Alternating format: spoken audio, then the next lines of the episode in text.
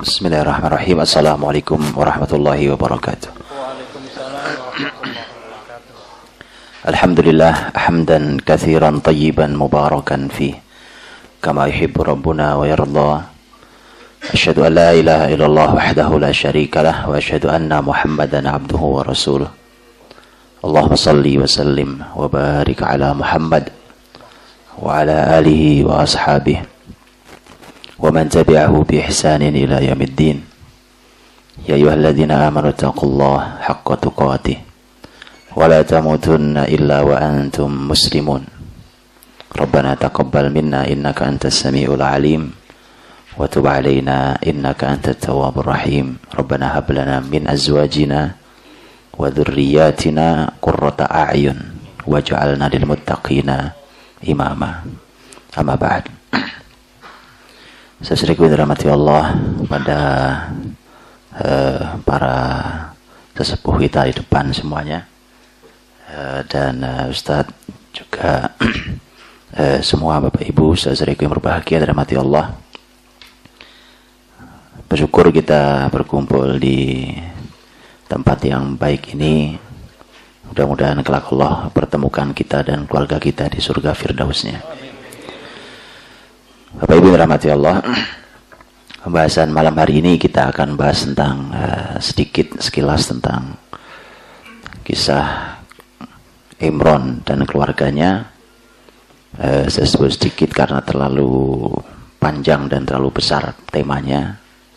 Walau hanya beberapa ayat yang akan kita bahas bagaimana yang tadi dibaca oleh imam kita jazallahu khairan di uh, imam yang di atas kan ada beberapa imam tadi ya. Karena tidak muat tempatnya. Bapak Ibu dirahmati Allah Subhanahu wa taala. Eh, di awal saya ingin sampaikan bahwa Bapak Ibu nanti kalau lihat nama-nama surat dalam Quran kan eh, nama itu Bapak Ibu. kalau kita buka Quran itu kan ada nama-nama surat. Dan eh, nama itu kalau kita buka buku kalau kita buka buku sebuah buku kan pasti ada sub-sub judul itu. Begitu juga di dalam e, kalau kita masuk ke sebuah tempat seperti ini umpamanya ini ada tempat apa tempat apa tempat apa sebagaimana lokasi villa ini pun sama. Nama-nama surat pun demikian. Nama-nama surat itu e, menarik nama-namanya saja untuk dicermati yang berhubungan dengan Ali Imran adalah dari nama dari 114 surat dalam Al-Quran. Bapak Ibu tidak akan menjumpai surat yang namanya menggunakan kata keluarga kecuali Ali Imran. Keluarga Imran. Berarti Pak, berarti. Kan ini sesuai dengan subjudul ini kurang lebih. Kalau buku tadi itu subjudulnya ini Pak, kebaca itu, Keluarga Imron. Artinya, banyak sekali poin besar di sini. Masalah di kita hari ini berkeluarga dan ini kebiasaan kita di banyak ilmu yang mudah-mudahan sudah mulai kita perbaiki. Kita ini sudah belajar ilmu dari banyak pakar, banyak literatur tapi kita belum banyak belajar dari Allah dan Rasulnya. Ini musibah kita, Pak. Rasul sudah kasih jaminan, kurang apa? Tentang keluarga, Pak. Nabi sudah kasih jaminan. Khairukum khairukum li ahli wa ana khairukum li ahli. Kata Nabi, orang terbaik di antara kalian yang paling baik pada keluarganya. Jadi kalau kita kumpul segini banyak orang ini, San, ini siapa yang paling baik di antara kita? Tanya ke keluarganya. Siapa yang paling baik pada keluarganya maka dia orang terbaik di antara kita. Kalau ukurnya begitu itu Nabi SAW sampaikan. Dan Nabi memberi jaminan dan aku orang terbaik di antara kalian pada keluargaku. Jaminan sudah sehebat itu kita belajar keluarga itu tentang keluarga Rasul cuma sekilas sekilas sekilas sekilas. Tak pernah detil kita belajar tentang keluarga Nabi SAW keluarga Nabi SAW dipandunya oleh Quran. Nah, dipandu oleh Quran. Nabi panduannya apa kalau bukan Quran? Quran panduan Nabi SAW. Dan itu jadi contoh buat kita. Ketika panduannya Quran, ternyata di Quran ini tadi, Pak, dari nama 114 surat, hanya ada satu surat yang namanya keluarga. Al Imran. Keluarga Imran. Bukankah ini menjadi sebuah sentuhan mahal? Satu, bahwa belajar tentang keluarga jangan ke mana-mana, Pak. Wahyu kita, baik di Quran ataupun di hadis Nabi, bicara tentang keluarga panjang, lebar, detail, lengkap, dan pasti bahagia dunia akhirat. Pasti. Kita ini sudah belajar keliling ke mana-mana. Belajar dari sana, dari sana. Bukan tidak boleh, Pak. Nanti ujung-ujungnya kita paling hanya mengatakan al-hikmah dhalatul mu'min anna wajada fahuwa ahaqu biha. Paling ujungnya cuma itu bilangnya kita. Ya kan belajar dari mana aja boleh Pak. Hikmah itu kan milik orang beriman yang hilang. Iya Pak. Tapi kita belum belajar dari Quran. Sudah belajar dari orang lain. Kita belum belum belajar dari Rasul. Sudah belajar dari banyak pakar yang lain. Ke mana kita dengan wahyu ini? Maka Ali Imran keluarga Imron. Dan yang kedua tentu ada pelajaran luar biasa. Saya ingin memulainya dari ayat 33. Yang tadi juga dimulai oleh imam kita, maka saya ingin mulai juga dari situ. Ini karena ditunjukkan oleh imam kita di sholat tadi akhir. Luar biasa beliau imam kita eh, ditunjukkan baik kita mulai dari di mana imam kita memulai. Itu ayat 33 surat Ali Imran. Allah berfirman, "A'udzu billahi minasyaitonir rajim. Allah astafa Adam wa Nuha wa ala Ibrahim wa ala Imran 'ala alamin." Sesungguhnya Allah memilih. Subhanallah. Allah pilih. Ini hambanya makhluk ini banyak sekali. Tapi Allah pilih dari makhluknya itu Adam, Nuh, keluarga Ibrahim, keluarga Imron di atas seluruh alam. Jadi sudah pas tema keluarga ini kita hari ini mengambil yang paling belakang keluarga Imron. Ternyata di ayat itu juga ada keluarga Ibrahim. Tema keluarga keluarga Ibrahim. Ini sesuai kita mati Allah. Yang pertama kata istifa. Inna Allah istafa. Istafa, istifa itu itu akar katanya adalah sofa. Sofa, sofa itu aslinya suci, bersih. Sofu itu artinya suci, bersih. Sofa.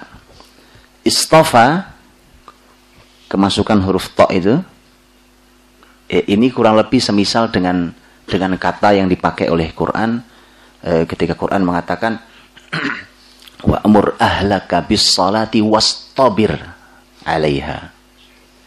Aslinya wasbir kemasukan huruf to satu di situ. Gitu ya. Dan itu penuh makna. Karena dalam kaidah bahasa Arab itu kullama zadal mabna zadal ma'ana. Itu kaidah dalam bahasa Arab penting sekali. Dan Quran pasti bukan hanya Quran. Ilmu syariat ini tidak mungkin dilepaskan dari bahasa Arab. Yang tidak bisa berbahasa Arab maka tidak berhak untuk menjadi mufti memang Memang begitu itu kaidahnya dari para ulama. Karena banyak sekali yang tidak mungkin diterjemah ke dalam bahasa apa pun. Nah, sofa suci itu kemudian istofa dari dari sekian banyak ini diambillah gitu yang suci ini Pak. Maka dipilih namanya karena kita menyebut Nabi kita Shallallahu Alaihi Wasallam juga dengan sebutan Mustafa. Mustafa artinya orang yang dipilih Allah Subhanahu Wa Taala. Berarti ini memang luar biasa pilihannya. Yang langsung memilih adalah Allah. Innallah astafa. Kalau kita lompati dulu, kita lompat dulu. Di ayat yang ke-42, ini lompat dari ayat 42. Allah Subhanahu wa taala berfirman, "Wa qalatil malaikatu ya Maryam Allah astafaki. Ketika malaikat berkata, wahai Maryam, sesungguhnya Allah memilihmu. Yang di 33 itu bapaknya yang disebut namanya, Imron. Yang di 42 yang disebut anaknya. Bukankah itu menarik pelajarannya, Pak? Jadi 33 sampai 42 ini, Pak. Jadi panduan bagaimana caranya dari bapak sampai turun ke anak semuanya pilihan. Semuanya pilihan. Nanti ketika kita akan melanjutkannya, kita akan bertemu bahwa kita semua tahu Maryam dianugerahi putra nabi. Itu kalau dibuat grafik naik gini, Pak. Anak, eh maaf, bapak, anak, cucu. Jadi kalau grafiknya begini salah. Bapaknya Masya Allah, solehnya, cerdasnya, hebatnya. Gitu anaknya turun sampai cucu hilang. Ini salah. Ini keluarga Imran memberikan contoh luar biasa. Ujungnya Nabi. Bukankah Nabi Isa alaihissalam? Itu grafiknya gitu Pak. Maryam, oh kalau Maryam jangan tanya Pak, Ras, langsung Rasul Muhammad Sallallahu Alaihi Wasallam yang menyampaikan kepada kita. Ada tentang Maryam ada beberapa hadis. Yang pertama umpamanya saya sebutkan sebagian. Yang pertama ketika Nabi menyampaikan bahwa e, empat wanita terbaik di dunia dan di akhirat. Gitu ya? Salah satunya Maryam. Yang kedua ini menarik. Nabi mengatakan sallallahu alaihi wasallam, "Kamula minar rijali kathir Walam yakmul minan nisa illa Maryam ibnatu Imran." Hadis sahih.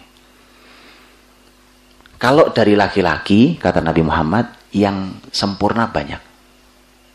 Laki-laki yang hidup sampai tingkat sempurna banyak. Contoh paling mudah adalah Al-Anbiya war Rusul.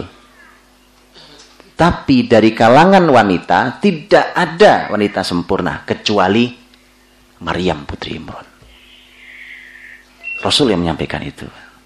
Artinya kita bisa melihat nih, itu dahsyat sekali Pak bagaimana bagaimana posisi seorang Maryam itu.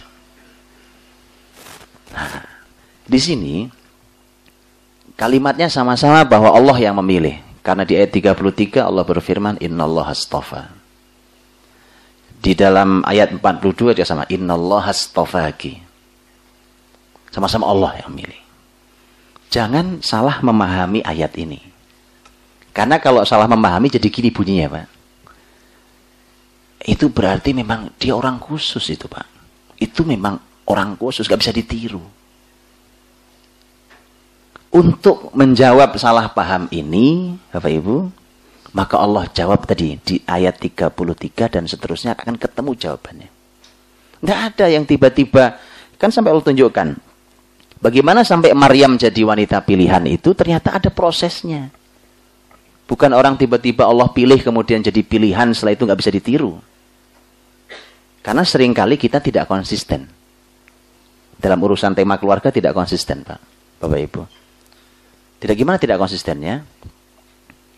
Giliran ada ada membahas tentang Nabi, Rasul, orang mulia, bahkan Rasul kita Muhammad SAW tentang keluarganya yang istimewa, kita berkata itu kan Nabi, Pak. Itu Rasul orang pilihan kita tidak bisa niru. Tapi begitu giliran ada anaknya yang gagal, alasannya pakai Rasul. Apa alasannya, Pak? Nah, itu Nabi Nuh gagal Pak didik anaknya. Saya kan bukan Nabi loh. Kita nggak konsisten Pak. Tadi diajari kebaikan nolak gara-gara itu Nabi. Begitu sekarang anaknya gagal, alasannya itu Nabi juga gagal Pak. Apalagi saya kan bukan Nabi. Jadi artinya berarti kita tidak sedang tidak sedang berdalil Pak. Sedang berdalih. Untuk lari dari tanggung jawab. Ini Pak. Nah, justru di sini Pak. Perbandingan menariknya Di sinilah perbandingan menariknya. Karena ternyata Imron itu para ulama mengatakan Imron bukan nabi. Imron bukan nabi. Begitu dimuliakan Allah Imron padahal bukan nabi. Bahkan dari 114 surat tadi itu namanya justru untuk tema keluarga Allah kasih yang bukan nabi. Ali Imron. Karena nampaknya pola kita tadi itu, Pak. Kita kalau dikasih nabi lari. Ini kasih, ini bukan Nabi. Ayo, sekarang mau lari ke mana lagi? Subhanallah, Quran gitu Pak. Ini bukan ini bukan Nabi. Ayo ke mana lagi? Ini Imran bukan Nabi, mulia. Malah Allah kalau kita ini maaf kalau kita sandingkan begini Pak. Karena Quran eh, Quran ketika membahas ini kalau kita sandingkan, bahkan disandingkan di ayat ini. Ini bukan Nabi Imran, manusia, manusia mulia. Ini Nuh, Nabi Nuh, manusia sangat mulia. Allah memuji Nuh dan kita tahu Nabi Nuh bukan sembarang Nabi Rasul bahkan. Ulul azmi minar rusul. Tapi begitu bicara keluarga, Pak. Nah, begitu bicara keluarga, Allah puji keluarga Imran, Allah tegur Nabi Nuh tentang anaknya. Betul? Supaya jadi pelajaran. Di surat Hud ayat 46, Allah SWT menegur Nabi Nuh alaihissalam. Ketika itu eh, sudah karam, sudah ter, semua banjir bandang besar dan kapal Nuh berlabuh di Gunung Al-Judi dalam surat Hud. Maka ayat 46 eh, Allah menjawab doanya Nabi Nuh karena Nabi Nuh eh, nagih Allah. Ya Allah, kau janji menyelamatkan keluargaku ini anakku mati dalam banjir azab, Allah tegur. Qala ya Nuh, innahu laisa min ahlik. Innahu amalun ghairu salih. Fala tas'alni ma laysa bi ilm. Inni a'idzuka an takuna minal jahilin. Allah menjawab, Nuh, wahai Nuh, itu bukan keluargamu. Padahal anaknya, Pak. Tak pantas jadi anakmu. Kira gitu, Pak. Bapaknya sesoleh Nuh alaihissalam. Semulia Nuh anaknya kayak begitu. Jadi ayat ini dipaparkan, disampaikan dikit untuk kita jadi pelajaran, Pak. Bukan jadi dalih. Untuk jadi pelajaran. Nuh itu bukan keluargamu. Itu amalun ghairu soleh. Amal yang tidak soleh. Ada beberapa tafsir dalam bab ini. Tapi kalau kita lihat zahir kalimatnya, Amal itu kan amal, Pak. Karya. Itu karya yang tidak tidak soleh, tidak baik. Maka kamu Nuh jangan minta padaku sesuatu yang kamu tidak ada ilmunya. Aku nasihati kau wahai Nuh agar kau tidak termasuk orang-orang yang jahil. Subhanallah, nabinya Nuh alaihissalam orang mulia itu. Kalau kita sanding begini nih, kita sanding gini dengan Imran alaihissalam yang dua-duanya eh, Imran Eh, bukan Nabi ya, Imran dengan Nuh alaihissalam, kita sanding begini, bicara keluarganya, aja terlihat. Nah. Supaya kita tadi nggak lari terus ya kan. Ini dikasih, ini bukan Nabi, keluarganya mulia, Allah muliakan dalam Quran. Nah, Allah berfirman yang di ayat 33 itu, Allah astafa Adama wa Nuha wa ala Ibrahim wa ala Imrana ala alamin. Sesungguhnya Allah memilih Adam, Nuh, keluarga Ibrahim, keluarga Imran. Kita lihat empat nama ini. Semuanya sepakat, semuanya orang mulia. Adam, Nuh, Ibrahim, Imran. Ada beberapa hal. Pertama, yang bukan nabi hanya Imran. Ya? Adam, Nuh, Ibrahim. Yang bukan nabi hanya Imran. Allah sejajarkan penyebutannya dengan para nabi.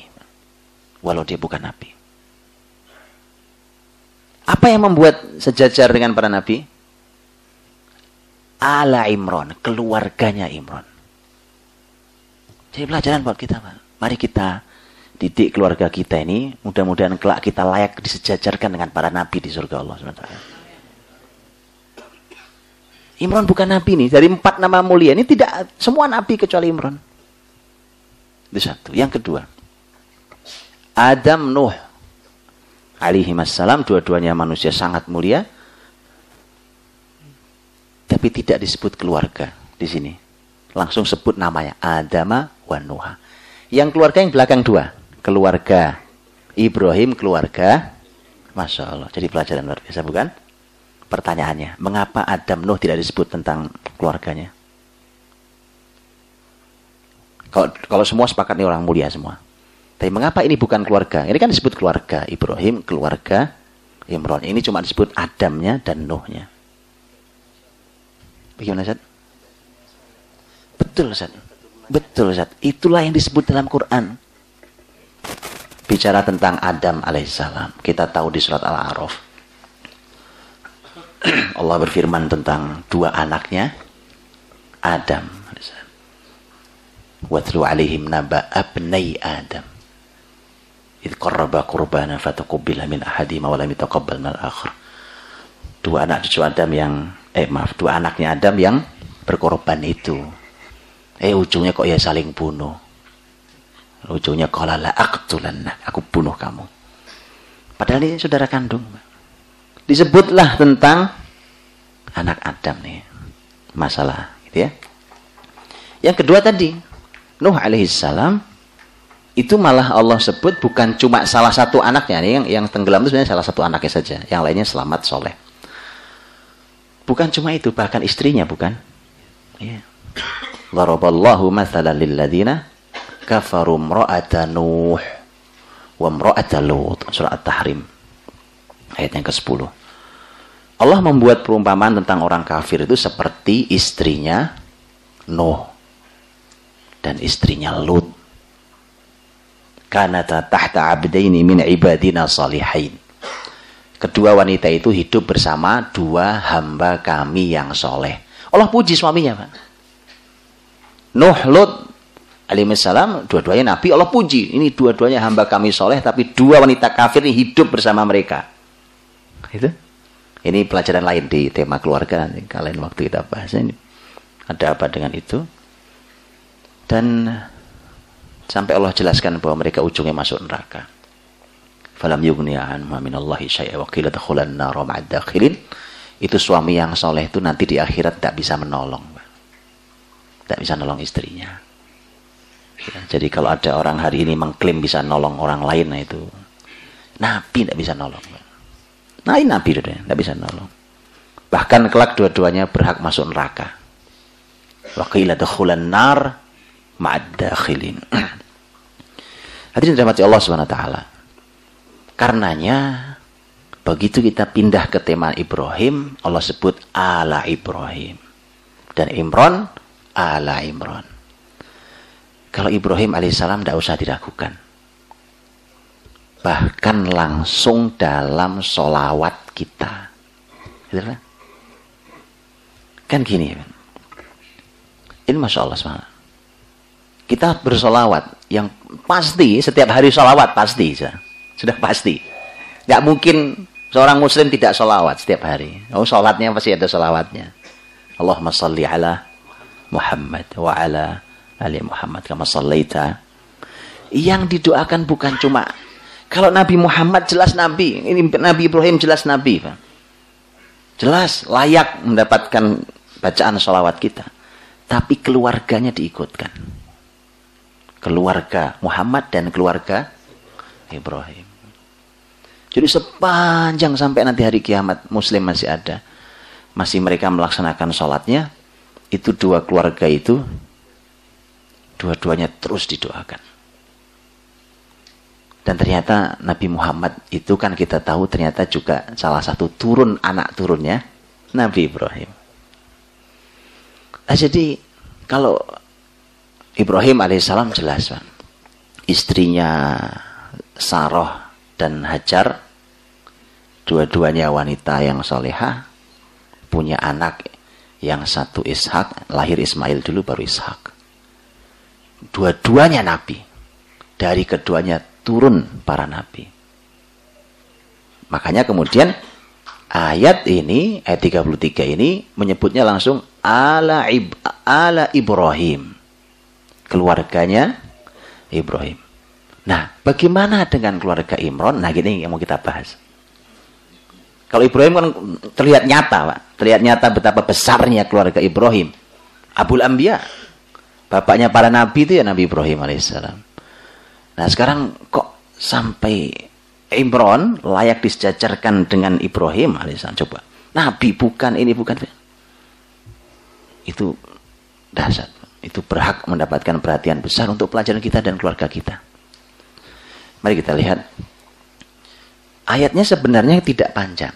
Karena kalau kita melihat tentang e, pembahasan tentang Imron sampai eh, nanti Maryam dididik dibantu oleh Zakaria itu sebenarnya hanya sampai ayat 37 sebenarnya. Sisa nantinya malah masuk Nabi Zakaria berdoa dan berikutnya itu nanti sudah masuk Maryam sendiri. Maryam sendiri yang sudah mulai yang sudah tumbuh dewasa. Jadi tidak panjang, ini ayat 35 sebenarnya 35, 36, 37, cuma tiga ayat. Tapi inilah khas Quran dengan mukjizatnya. Quran itu eh, dengan kalimat yang pendek maknanya dalam luas lebar sekali. Kita lihat kita buktikan nanti berapa ini Allah berfirman di ayat 35-nya di ayat 35 id qalat imra'atu imran. Ketika istrinya Imran berkata Rabbi inni nadartu laka ma fi batni muharraran fataqabbal minni. Innaka antas sami'ul alim. Ketika istrinya Imran berdoa, Ya Allah, aku bernadar untukmu tentang yang ada di rahimku, di perutku ini. Agar kelak dia menjadi muharrar. Muharrar dalam tafsirnya para ulama mengatakan artinya adalah dia pengabdimu di masjid di Baitul Maqdis. Nadar sang ibu. Fataqabbal minni maka terimalah nadarku ini. Innaka antas sami'ul alim, sungguhnya engkau sami' alim. Maha sami', maha mendengar, maha alim, maha mengetahui. Ayat ini Bapak Ibu dirahmati Allah. Ini para ulama tafsir mengatakan sebagian mereka mengatakan bahwa Maryam itu yatim. Berarti Imron itu sebenarnya sudah meninggal, Pak. Waktu ada yang mengatakan bahwa lahirnya Maryam itu sudah yatim. Nah, ini nanti sudah ada pelajaran. Inilah nanti mengapa Zakaria ada di sana. Baik. Zakaria, wakafalaha Zakaria itu yang ikut mendidik Maryam adalah Zakaria. Kenapa Zakaria hadir di sana? Bapaknya ke mana kan? Nah, maka menurut ulama tafsir eh, dia mengatakan bahwa Imron itu sudah meninggal. Ini Mas, subhanallah. Kita ini dari dari ayat 33 terus sampai kisah itu berakhir. Kita tidak tahu siapa nama istrinya Imron. Betul, Pak? Di sini tidak ada. Bapak Ibu ada yang tahu namanya? Loh, gitu, Pak. Yang disebut-sebut tuh Imron lagi, Imron lagi, betul Pak? Imron lagi. Imron sudah meninggal. Apa maknanya, Pak? Apa maknanya, Pak? Itu, Pak. Jadi suami itu, Pak. Suami itulah pendidiknya. Ketika para ulama tafsir menafsirkan surat An-Nisa 34, Ar-rijalu qawwamun 'alan nisa kata qawwamun itu maknanya banyak sekali. Di antara maknanya, suamilah pendidik istrinya. Suamilah yang mengevaluasi dan meluruskan istrinya. Suami banyak sekali bukan? Itu pekerjaan suami, tugas suami. Su kalau diambil suami pendidik istrinya, suami berarti namanya pendidik itu guru. Lah kalau guru masa pinteran muridnya, betul pak? Loh, saya ini ngajar pak, ini, saya ini guru, ngajar di anak-anak si anak-anak itu ya. Mesti pinteran saya dong seharusnya, Pak. Ini repot ini. Suami sama istri yang punya ilmu istrinya. Karena istrinya rajin ngaji, suaminya jarang ngaji. Bagaimana menjadi kawam? Maka cacatnya kawamah di rumah tangga itu, ini salah satu faktornya, Pak. Ini salah satu faktornya. Kalau kita bicara tentang Imron, Allah sebut-sebut terus nama Imron, Imron, Imron. Nah, Imron sudah meninggal. Jadi kalau Imron sudah meninggal, Maryam itu karya siapa? Sebenarnya karya siapa? Didikan siapa sampai sehebat Maryam itu? Aslinya kan yang hidup, yang live langsung mendidik kan istrinya saja. Tapi Allah tetap nyebut nama Imron. Kenapa? Karena sang istri yang hebat ini, sang istri yang hebat ini, ini istri Imron itu namanya Hana. Dalam ulama tafsir menyebutnya namanya Hana. istri yang hebat sampai melahirkan Maryam ini adalah hasil karya Imron. Nah, gitu. Itulah mengapa dia layak disebut-sebut terus. Karena memang istri ini hasil karya Imron. Inilah PR pertama yang gagal hari ini rumah tangga muslim. Suami-suami tidak jelas karyanya pada istrinya. Itu PR, Pak. Makanya kalau punya anak laki-laki, jadikan kowamahnya luar biasa. Kowamah itu bukan cuma nyari duit, Pak. Nyari duit itu hanya sebagian tugas kowam. Hari ini dianggap segala-galanya. Nyari uang bukan segala-galanya. Dia memang salah satu tugas penting dan mulia, iya. Tapi dia bukan segala-galanya. Itu. Ah, makanya kowamah itu yang membuat terus dikenang, layak dikenang namanya. Walau dia sudah meninggal. Nah, maka gitu. Mari gitu, Pak. Kita mengabadikan nama baik kita di di belakang semua nama anak-anak kita dan cucu kita bahkan. Karena orang tua tuh gitu kan Bapak Ibu. Kalau ada anak bandel gitu, anak ini bandel banget gitu kan. Terus orang nanya, anak siapa sih kamu tuh? bapaknya di belakang ibunya bilang mudah-mudahan nggak sebut nama saya itu di belakang orang secara psikologis nggak mau pak disebut jelek di nama nanti kalau kita meninggal juga sama. Jangan sebut aku di nama belakang anak yang tidak baik. Karenanya Nabi Ibrahim doanya wajahali lisana sidqin fil akhirin doa Nabi Ibrahim jadikan aku ini ya Allah lisana sidq lisan yang baik dan jujur Artinya aku nanti meninggal ya Allah, tapi setiap orang lisannya bergerak menyebut aku, semua kebaikan yang disebutkan. Itu maunya. Pada orang-orang setelah aku itu maunya. Nabi itu doa Ibrahim. Subhanallah kan. Sama, apalagi ini anak-anak kita, cucu kita, keturunan kita. Nah itu Imran disebut-sebut karena itu. Nah, eh, jadi ketika istri Imran hamil, Pak, itu qalat imra'atu Imran Istri Imron hamil tuh. Ini konsep besar sendiri, yaitu konsep hamil. Ya Allah, ini konsep parenting itu lengkap dalam Quran, Pak. Lengkap saya. Saya sedikit ya bicara hamil ya. Karena ini baru cuma tiga. Saya cuma bahas nggak sampai tiga ayat mungkin. Mungkin satu ayat nggak selesai ini, Pak. Betapa besarnya konsep parenting dalam Quran. Contoh konsep hamil, Pak. Ini cuma cuplikan-cuplikan ya, mohon maaf konsep hamil dalam Quran. Ada yang pernah tahu ibu-ibu umpamanya kan? Ini kan yang hamil kan ibu-ibu. Tapi bapaknya harus tahu. Bapak harus tahu tentang anak berhubungan dengan ayah.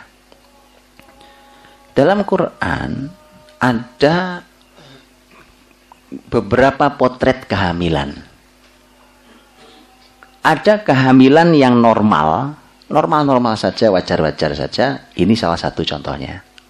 Tentang tema Imron Ya ada suaminya, ada istrinya, kemudian hamil, punya anak. Normal. Tapi ternyata Quran banyak memberikan potret hamil yang tidak wajar. Betul ya, Contoh, hamilnya siapa? Maryam, laki contohnya.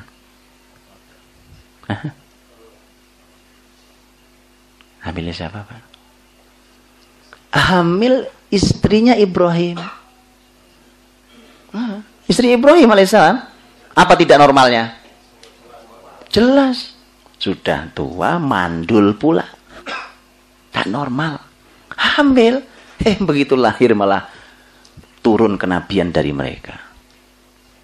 Ada lagi yang lain. Betul, Nabi Zakaria. Nabi Zakaria, Pak. Sama persis kasus dengan Ibrahim. Tua, mandul. Lahirnya Nabi lagi. Nabi Yahya. Betul ya? Subhanallah. Makanya, tema kehamilan itu seakan Allah ingin memberikan sentuhan pada kita. Kehamilan itu sesuatu yang selalu selalu ajaib. Selalu ajaib. Kalau di sini ada Bapak Ibu dokter boleh menjelaskan Kak betapa kalau manusia bisa hamil itu ajaib sebenarnya. Ini dari sisi ilmu kedokteran ya. Karena Quran juga ingin sampaikan itu. Kehamilan itu memang sesuatu yang ajaib. Karena itulah maka jawaban terhadap kehamilan itu selalu jawabannya hanya gini. Qala kadzalika qala rabbuk. Qala kadzaliki qala rabbuk. Gitu aja jawabannya tuh ayat. Karena sudah nggak ada jawaban ilmiahnya, Pak. Kamu tahu tuh? Hamil tuh bisa tidak ilmiah. Makanya ilmu pengetahuan itu tidak usah angkuh, Pak. Saya cuma bilang, ayo pelajari lu pengetahuan sampai sehebat-hebatnya manusia. Tapi tidak usah angkuh. Jangan angkuh. Karena tidak bisa dijelaskan dengan ilmiah. Semua ahli sudah mengatakan tidak mungkin. Mandul, sudah tua, sudah mustahil secara ilmu manusia. Jawaban malaikat sederhana. Kadzalika qala rabbuk. Begitulah firman Tuhanmu. Tuh, gak ada ilmiahnya sudah. Sudahlah itu bukan urusan ilmiah itu. Supaya kita tahu, Pak. Supaya ilmu pengetahuan kita itu kita letakkan di bawah frame wahyu. Dimasukkan di sana. Jangan angkuh. Angkuh itu jadi kayak hari ini. Ilmu pengetahuan angkuh. Itu. Belum lagi nanti Pak, tema kehamilan itu. Sampai teknis. Teknis. Teknis. Kalau ibu hamil tuh teknisnya ngurusnya kayak apa? Quran bicara. Betul apa enggak Pak? Di mana itu? Subhanallah, Quran, berarti kitab suci kita ini memang detail sekali. Tibyanan likulli syai, ya kan? Menjelaskan segala sesuatu. Berarti menghamil ini penting sekali. Karena Quran langsung yang bicara. Nanti juga silahkan didetilkan pembahasannya tentang hamil ini adalah contohnya hamilnya Maryam di surat Maryam. Hamil Maryam surat Maryam itu subhanallah itu kan, ya kan? Itu juga pembahasannya eh, sampai teknis tadi itu. Maryam itu kan hamil dalam keadaan sedih kan. Ya, sedih gara-gara ditanya sama masyarakatnya. Masyarakatnya sih kalau di Quran tuh mengabadikannya bahasanya bagus bagus bagus sekali pak. Jadi masyarakat itu juga enggak juga tidak berbahasa kasar. Karena ini kan lu kok tiba-tiba hamil wanita baik-baik ini? Ini wanita suci ini kok tiba-tiba hamil? Suaminya ndak ada dia belum nikah. Hamil dari mana? Kan otomatis orang langsung Hah? ke mana arahnya ya? Maka pertanyaan lihat pertanyaannya. Pertanyaannya itu memang bahasanya halus pak tapi itu nusuk sampai tulang gitu Ya ukhta Harun. Hei putrinya, eh saudarinya Harun. Ini bukan Harun Nabi ya Pak. Ya, Harun yang di sini bukan Harun Nabi, tapi ini Harun saudaranya Maryam. Hei saudarinya Harun. Disebut nama Harun untuk menunjukkan ini sebuah sentilan awal Harun itu orang baik-baik. Kamu kan saudarinya, ya? Loh kok hamil? Gitu maksudnya, Pak. Ya ukhta Harun. Nah, lebih kalimat berikutnya lebih nyesek lagi. Maka na abu kimro'asau. Bapakmu bukan orang jahat. Bapakmu bukan orang jelek. Bukan orang yang senang dosa. Bukan. Wa makanat ummuki bagia. Ini lebih nyesek lagi. Ibumu bukan pelacur. Udah gitu aja masyarakat itu. Tapi itu ya itu kebayang lah Pak wanita baik-baik ya kan? Kerjaannya ibadah di mihrabnya. Lu kok hamil tiba-tiba? Ternyata Bapak Ibu nanti Quran bicara tentang kehamilan di surat Maryam itu detail sekali. Bahwa orang hamil itu ternyata tidak boleh sedih itu kunci dasar yang harus dipegang oleh istri sekaligus suaminya. Jadi kalau ibu-ibu hamil bu mohon dijaga jangan sampai sedih. Dan suaminya mohon pandai menjaga perasaan istrinya. Konsep Quran ini. Kesedihnya Maryam itu sampai pada puncak, Pak. Puncak. Karena puncaknya sampai dia mengatakan eh, ya laitani mitu qabla hadha wa kuntu nasyam mansiya. Andai aku mati sebelum ini. Orang tuh kalau sudah ngarep mati, Pak itu sedihnya sudah sampai puncaknya. Andai aku tidak diingat orang, sudah dilupakan orang itu lebih baik. Ini sekarang aku nanggung sedih nih. Ternyata tidak benar, sedih hamil itu tidak benar. Karenanya Itu kan cuma satu ayat yang menyampaikan sedihnya Maryam. Itu Allah hibur tiga ayat. Sedihnya satu ayat, hiburannya tiga ayat. Saking nggak boleh sedih orang hamil itu. Dan berkali-kali Allah katakan, jangan sedih, ayo bersenang hati. Dihibur pakai macam-macam. Wa nadaha min tahtiha alla tahzani. Ada beda tafsir. Siapa yang siapa yang suara yang didengar oleh Maryam itu siapa? Ada beda tafsir. Ada yang mengatakan itu adalah malaikat yang Allah kirim, ada yang mengatakan itu adalah suara kandungannya. Allah alam. Tapi yang jelas, kalau kita ambil umpamanya malaikat, segitu pentingnya orang hamil sampai Allah kirim malaikatnya. Jadi hamil tuh, ya Allah Pak, kita ini kadang-kadang memperlakukan hamil itu dengan cara yang tidak seperti itu. Allah pentingkan orang hamil sampai malaikatnya Allah kirim. Tak boleh sedih nih ibu hamil ini. Allah kirim malaikat. Nah repotnya ini, repotnya. Kita ini kan nggak dapat kiriman malaikat itu. Makanya kita yang harus berusaha ya kan. Kita ini nggak nggak tahu kita dikirimi malaikat apa enggak ini kalau lagi sedih. Nah, ini dapat kiriman malaikat. Wanadaha min tahtiha. Sampai segitunya. Allah tahzani. Jangan sedih. Maryam nggak boleh sedih. Nggak boleh sedih. Qad ja'ala rabbuki tahta kisariya. Di bawah tuh Tuhanmu sudah buatin sungai itu. Sepenting itu kah orang hamil? Sampai dibuatin sungai sama Allah di bawahnya. Dia duduk gitu kan. Dibuatin sungai, air mengalir gemericik dan airnya bisa diminum langsung. Subhanallah gitu ya. Wahuzzi ilaiki bijid'in nakhlah tusaqitu alaiki rutaban janiyah. Tidak cukup tuh air dikasih pohon korma, Pak. Tempat senderannya Maryam itu pohon korma. Yang dari situ. Kata Allah itu huzzi ilaik itu diguncang-guncang aja. Nanti akan berjatuhan rutob. Rutoban janiyah. Kita tahu rutobnya. Masya Allah nikmatnya ya. Masya Allah. Harusnya para dokter meneliti ini apa hubungan rutop dengan kehamilan? Apa hubungan air mengalir? Air, kalau air air sungai itu kan mengalir bukan cuma lezat airnya langsung diminum Bapak. Bisa langsung minum. Ada suara gemericiknya, betul? Harusnya diteliti apa hubungannya dengan kehamilan, bahkan mungkin kesedihan tadi itu.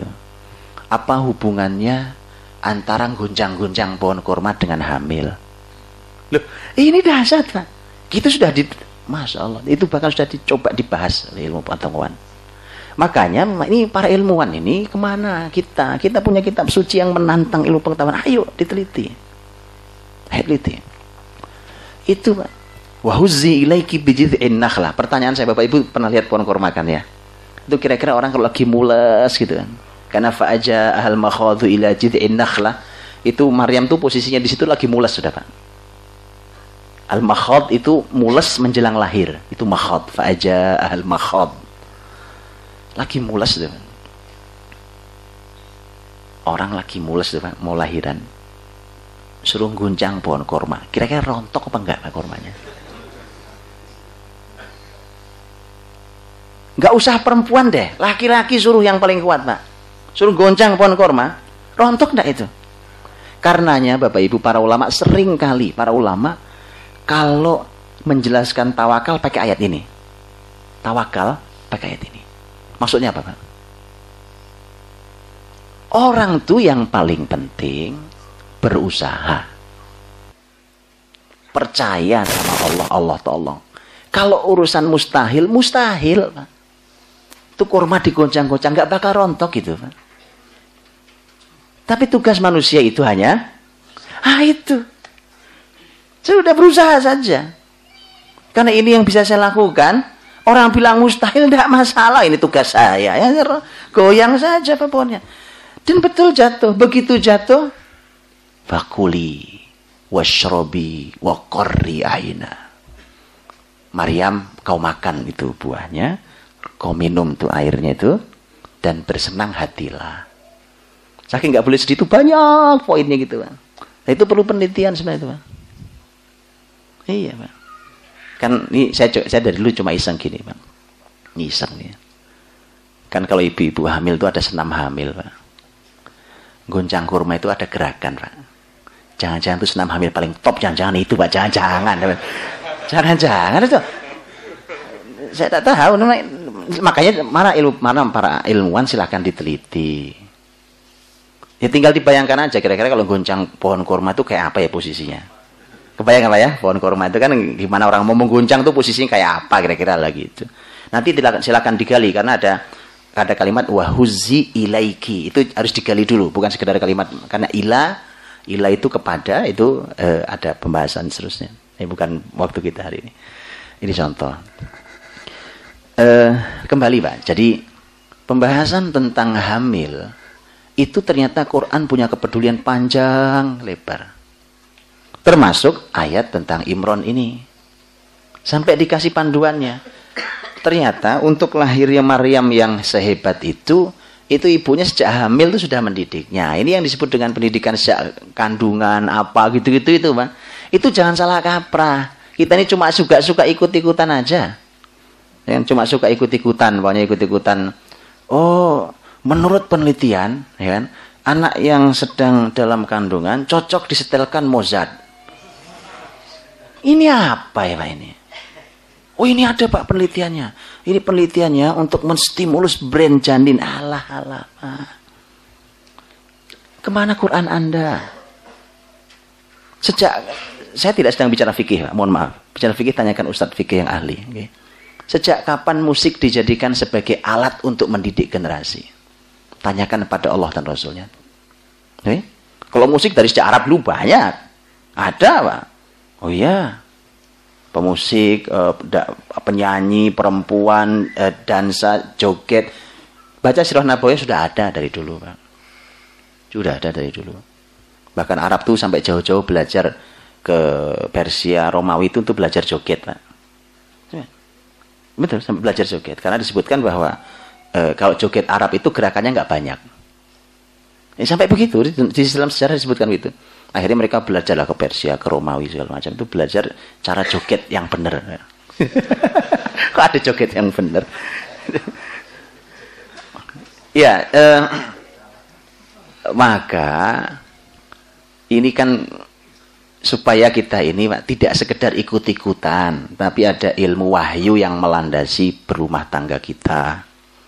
Ternyata orang hamil itu di situ. Dia berkata, Robbi ini nadartu laga ma fi batni muharrara. Fataqabbal minni. Ya Allah, aku sudah bernadar nih ya Allah. Mudah-mudahan yang dalam perutku ini kelak menjadi hambamu. Yang taat mengabdi kepadamu di rumahmu. Di rumahmu. Maka terimalah aku.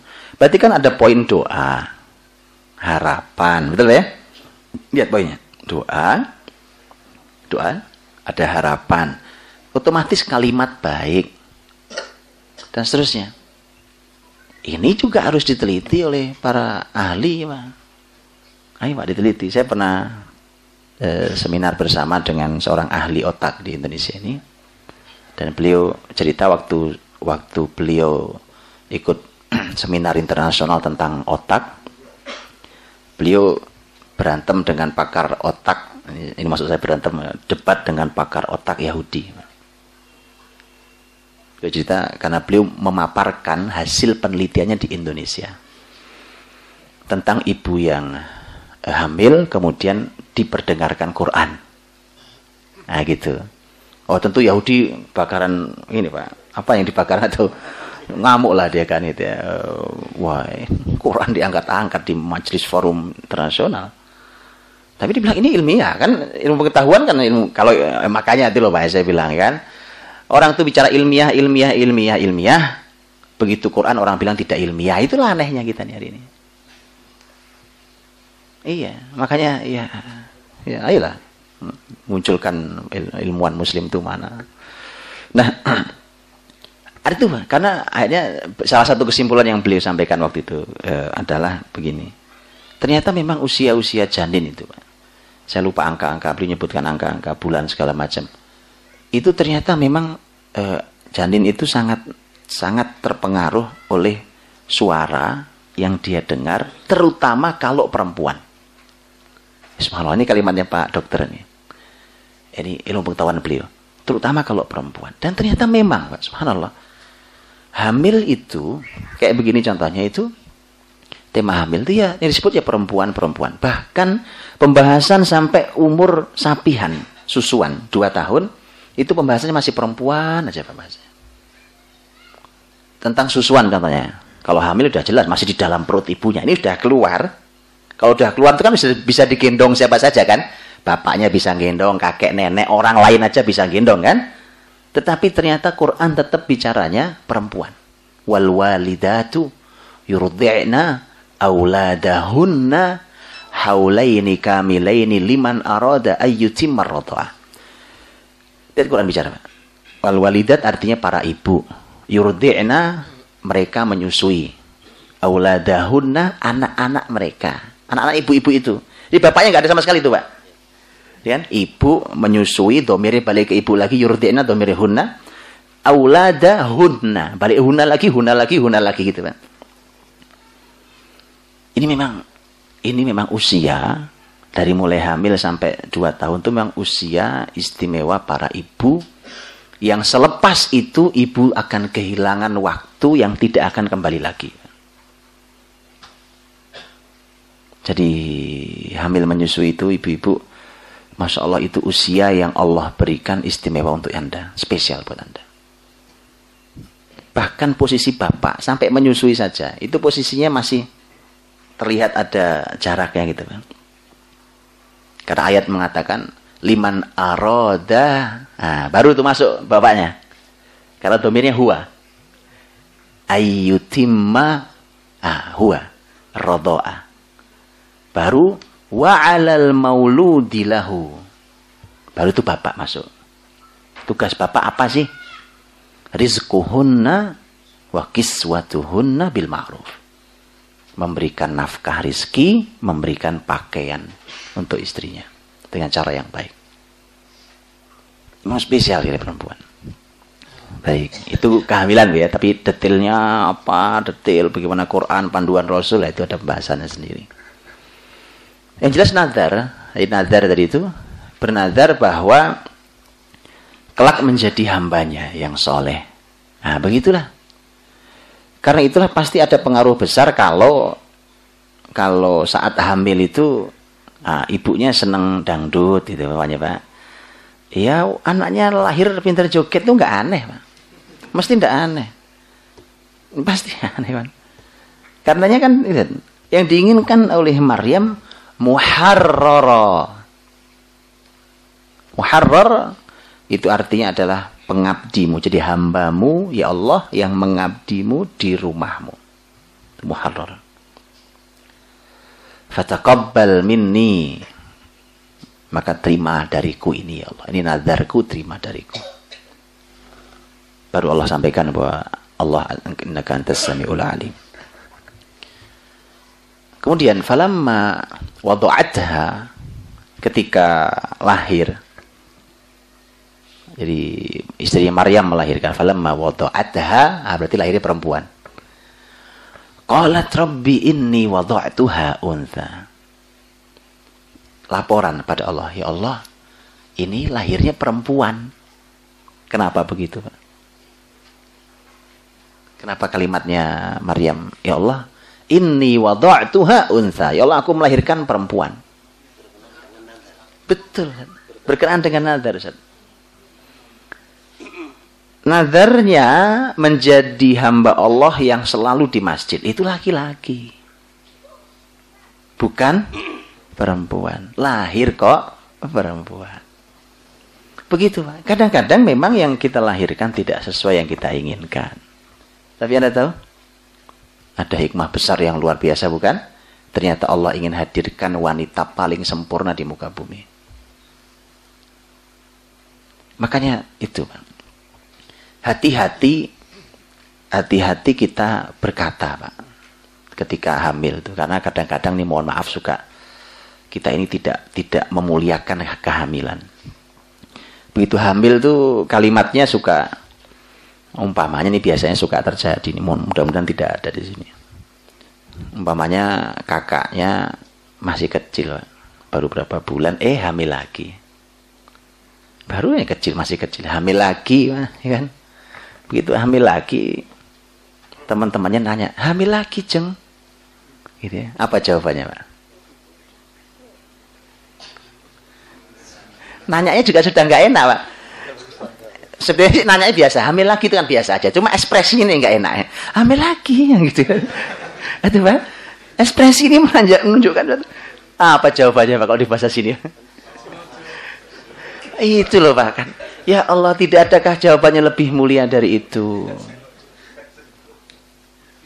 seakan anak yang dia kandungnya itu seseorang yang di, tidak diharapkan seseorang yang tidak diharapkan saya cuma berikan satu kalimat. Apa nanti kita tidak malu? Ketika ternyata anak yang tidak diharapkan kelahirannya ini, justru dialah yang akan memuliakan kita dunia akhirat. Sudah, Pak. Kalau hamil selalu katakan Alhamdulillah. Syukuri itu. Manusia itu hamil susah. Pak. Hari ini kalau nggak hamil berapa biayanya? Quran bicara hamil itu ajaib. Ya kan? Mau hamil sudahlah kakaknya masih kecil berapa dama. Ini anugerah. Ini nikmat. Nah, gitu. Makanya karena kadang-kadang dia tidak seperti yang kita inginkan, orang. Ini supaya supaya kita tahu Allah Maha Kuasa. Ya kan? Yang enggak hamil-hamil, ya kan? Yang enggak pengen hamil ternyata hamil, ya. Yang pengen hamil enggak hamil juga. Allah ingin tunjukkan ada kuasa Allah di balik ini. Ini bukan manusia. Ini wada'tuha unsa. Ya Allah aku melahirkannya ini perempuan. Karena berhubungan dengan nadar. Saya nadarnya laki-laki. Nadar ibadah di masjid itu mestinya kan laki-laki. Allah jawab. Allahu a'lamu bima wada'at. Allah lebih tahu siapa yang kau lahirkan.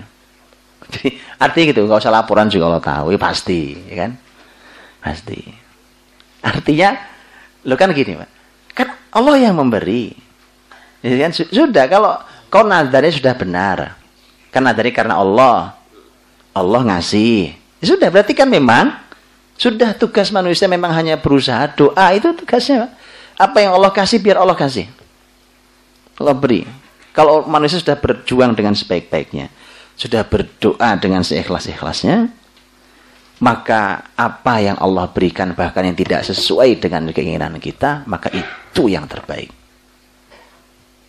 Karena kita tidak pernah tahu apa yang terjadi setelah hari ini. Hari esok itu kita tidak tahu kan. Itu maksudnya. Dan ternyata kan benar, di baliknya ada Maryam, setelah Maryam ada Isa. Wallahu a'lamu bima wada'at wa laysa dzakaru kal untha. Laki-laki tidak sama dengan ini ayat Pak tolong digaris tebal ya, ditebelin, digedein ya, kasih figura gede-gede Pak. Dipandangi untuk kita melihat di mana salahnya kita didik anak hari ini. Jelas walaisa dzakaru kal untha. Jelas Quran mengatakan Allah mengatakan laki tidak sama dengan perempuan. Ini konsepnya. Saya mau tanya, Pak. Dari Pak Ud TK sampai S3. Di mana bedanya kurikulum laki perempuan? Di jenjang yang mana, Pak? PAUD, TK, SD, SMP, SMA, S1, S2, S3. Sama, berarti salah kurikulumnya. Simple, Pak. Walaysa dzakaru kal unsa. Kalau tidak sama itu apa sama?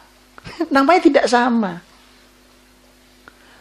Memang benar Quran sendiri juga yang mengatakan bahwa laki perempuan ada samanya. Yang sama ya sama. Yang tidak sama berarti tidak boleh sama. Lihat ini Pak. Saya Pak, Alhamdulillah beberapa, eh sekitar dua minggu lalu saya ke Siak, Riau. Saya memang sudah lama ingin ke Siak itu karena saya ingin belajar tentang Kesultanan Islam Siak Sri Indrapura karena ada yang sedang ingin saya dapat terutama tentang pendidikan siak itu karena kesultanan Islam dahsyat bahkan orang siak itu mendengar kata kutab itu hal yang biasa Gitu ya, walaupun sekarang udah kehilangan juga sudah nggak tahu. Tapi itu sejarahnya apa masih ada. Eh, itu pendidikan dalam Islam. Nah di Siak itu, di sejarah Siak itu Pak, saya banyak berbincang bahkan saya cari orang paling tua di Siak. Umurnya sudah 90 eh, beliau dulu guru gitu ya dan beliau bercerita sangat banyak masih berjumpa dengan sultannya sultan terakhir eh, sebelum diserahkan ke NKRI itu eh, banyak yang menarik Pak. Karena ternyata ternyata nih Pak apa yang dilakukan oleh kesultanan-kesultanan Islam itu memang benar-benar dekat dengan Islam dibandingkan konsep hari ini. Saya kasih contoh. Pak. Ini, ini kalau ini kesultanan siapa? Ini kalau saya kesultanannya ngadep ke sana pintunya. Di sebelah kiri yang sekarang kantor MUI siap. Kan, sebentar lagi mau pindah. Itu dulu adalah madrasah taufiqiyah. Madrasah taufiqiyah itu madrasah khusus laki-laki yang didirikan oleh sultan untuk menghadang sekolah Belanda dan Jepang yang merusak anak-anak muslim di Siak. Jadi dari dulu sampai sekarang musuh kita sama, Pak. Yang merusak anak-anak kita di pusat pendidikan. Didirikan sultan Madrasah Taufiqiyah. Kalau kita nggak berani melawan gitu masih ngekor dengan barat, ya sama Pak. Sudah ada sejarahnya. Di sebelah kanannya kesultanan sini, sebelah sininya, itu ada beberapa ada beberapa uh, ruang. Ada tempat dulu tempat kutab, sebelah Jawa sedikit ada madrasatun nisa, sekolah khusus perempuan. Di sebelahnya lagi, tapi sudah ada sudah hilang gedungnya tinggal kenangan fotonya. Itu adalah mereka menyebutnya rumah pingitan. Itu asrama putri kalau sudah pulang sekolah. Saya tanya, ini diajarkan apa Pak di Pingitan dan di Madrasatun Nisa? Diajari kepandaian keputrian. Apa itu? Mereka diajari, banyak di istana diajari nyapu, ngepel, membersihkan, masak. Ada tamu, menemui tamu, melayani tamu, dan seterusnya. Diajarkan gitu kan nanti semua mereka termasuk belajar keahlian mereka menenun apa segala macam. Saat itu madrasatun nisa. Itu belum lama belum lama.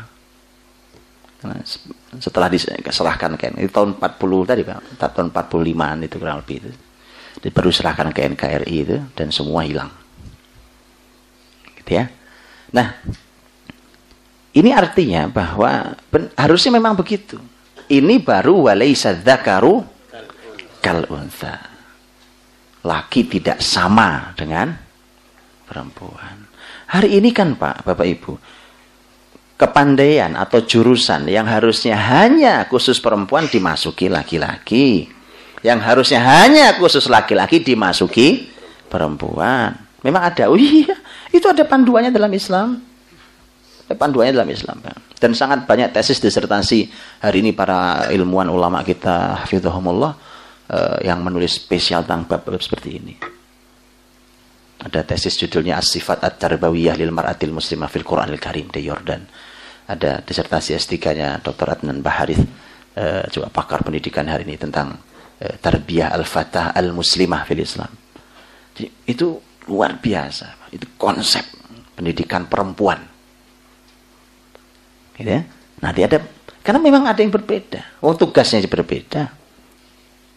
Fisiknya juga beda. Pasti berbeda. Dalam Islam umpamanya. Dalam Islam tema jihad kan memang hanya laki-laki Pak sebenarnya. Yang perang itu wajibnya di laki-laki, perempuan tidak. Kalaupun ikut perempuan tugasnya adalah logistik dan kesehatan. Ya, makan apa kesehatan. Perawatan itu tugasnya. Ya itu harusnya didata ulang. Dicek ulang sehingga nanti kita tidak salah dalam mengarahkan anak kita yang laki dan anak kita yang perempuan. Gitu ya. Sudah begitu nanti efeknya kayak sekarang. Ketika urusan e, e, sumur dapur kasur itu dianggap sepele.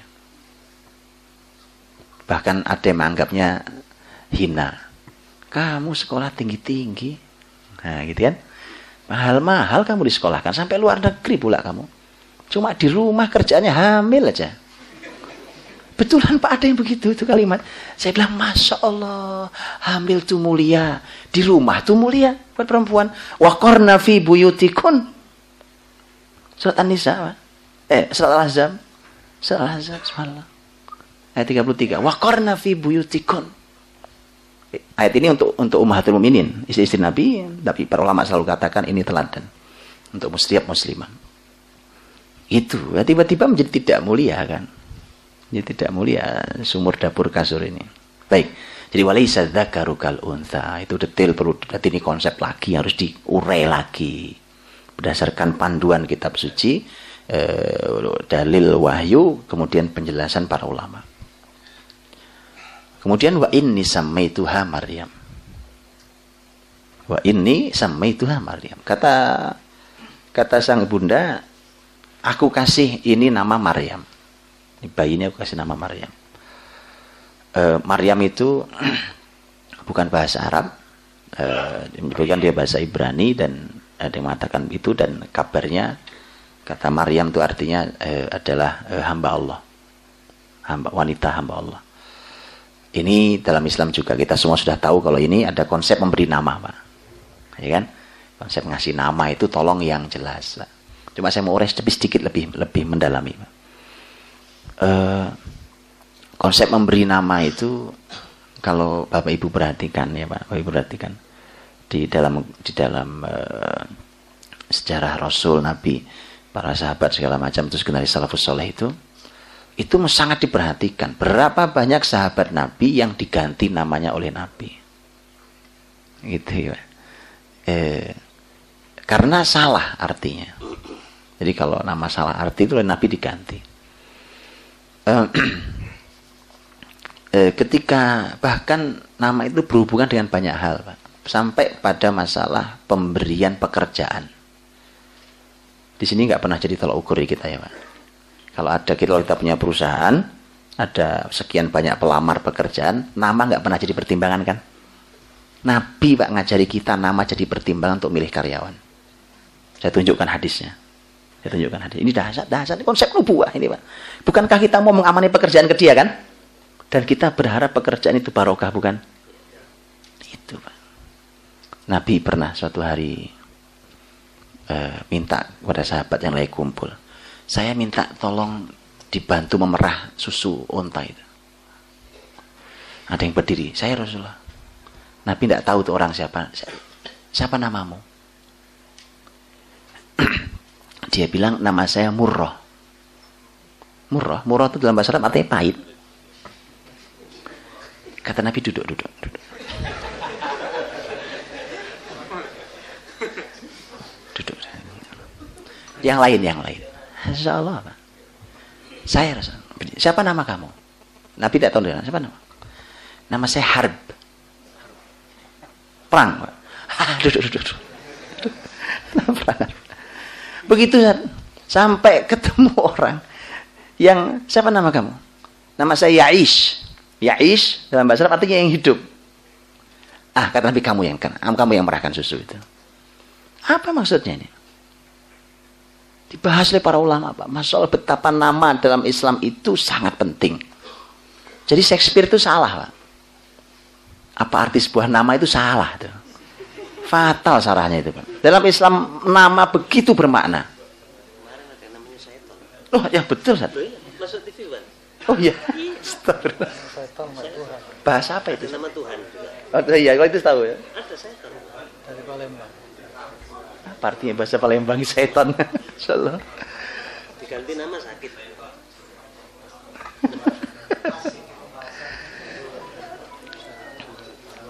ya, itu itu, Pak. Maka ngasih nama anak cucu tuh jangan asal nama kelihatan enak didengar gitu loh. Eh, kayaknya enak didengar kayaknya Pak. Jangan begitu. Nama tuh punya makna. Wa inni samaituha Maryam. Nabi itu Bapak Ibu rahmati Allah bukan cuma tadi saya udah bilang pekerjaan ganti nama sahabatnya pekerjaan diserahkan pada orang yang memang layak namanya. Tadi saya bilang kita milih karyawan tidak pernah itu nama jadi pertimbangan. Kalau kompetensi sudah sama, ini semua sudah sama, berapa luar biasa. Nama itu jadi pertimbangan, Pak. Karena semua orang tuh bisa merah tadi, merah susu yang katakan semua bisa merah susu kan. Kompetensinya ada, jelas. tetapi ternyata untuk menentukan siapa ternyata nama. Dan ini bukan satu-satunya peristiwa, Pak. Bapak Ibu buka Sirah Nabawi ya, Bapak akan jumpai waktu Nabi dipandu, Nabi dan dipandu, Nabi dengan para sahabat bergerak menuju Khaybar untuk memerangi Yahudi tahun 7 Hijriah. Dipandu oleh seseorang jalannya karena Nabi minta jalannya tidak biasa. Ini strategi perang, Pak. Kan Khaybar itu di utara Madinah, Pak, ya kan? Harusnya jalannya langsung ke utara gitu kan. Nabi tidak, Nabi Nabi melambung, Pak. Jadi melambung, Nabi begini, melambung dari arah utara masuk ke selatan. Ini strategi dahsyat Nabi. Nabi pakar dalam masalah strategi. Ini ada dan sudah dibahas panjang di Sirah Nabawi, silakan dibaca ilmunya ya.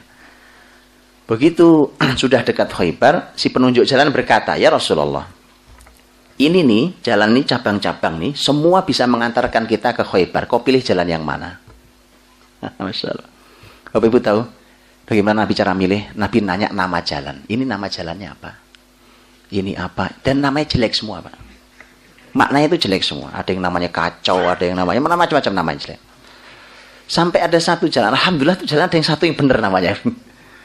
namanya Marhab. Jalan Marhab. Marhaban. Marhaban. Ya. Selamat datang.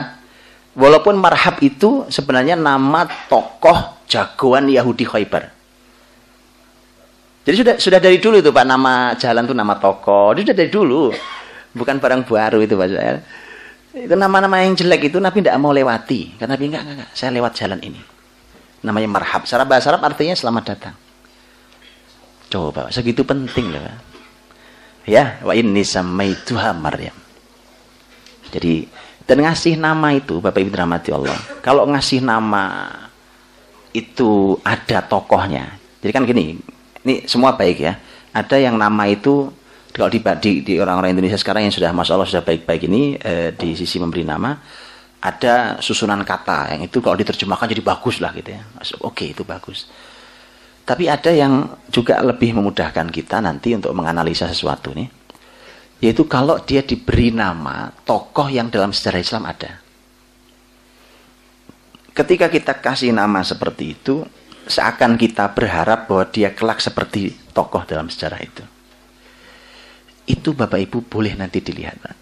Kalau Anda dari hati ngasih namanya gitu ya itu anak nanti kita akan mudah membaca karakter dia. Ini sekarang ilmu, pokoknya ilmu perlu ilmu psikologi yang nggak semua orang bisa ya kan. Harus datang ke psikolog, Pak nanya nih Pak anak saya ini gimana? Lu anakmu nanya aku, ya, harusnya gitu harusnya Pak, harusnya ya kan. harusnya psikolog, anakmu kok nanya aku, saya gitu. Dibecandain dikit lah Pak, harusnya kan. Nggak dibetulan Pak. Kita ini kalau belajar ilmu syariat mudah Pak menganalisa anak-anak itu. Iya. Ya, saya kalau ngobrol sama anak-anak saya gitu Pak. Anak saya masih kecil-kecil Pak. Paling besar 11 tahun. Itu. Mudah sekali saya melihatnya. Karena Islam beri ilmu panduan ini dahsyat ya. Sehingga saya suka senyum-senyum. Kamu pasti begini. Kok Abi tahu? Eh, kamu belum ngomong Abi tahu. Betul subhanallah.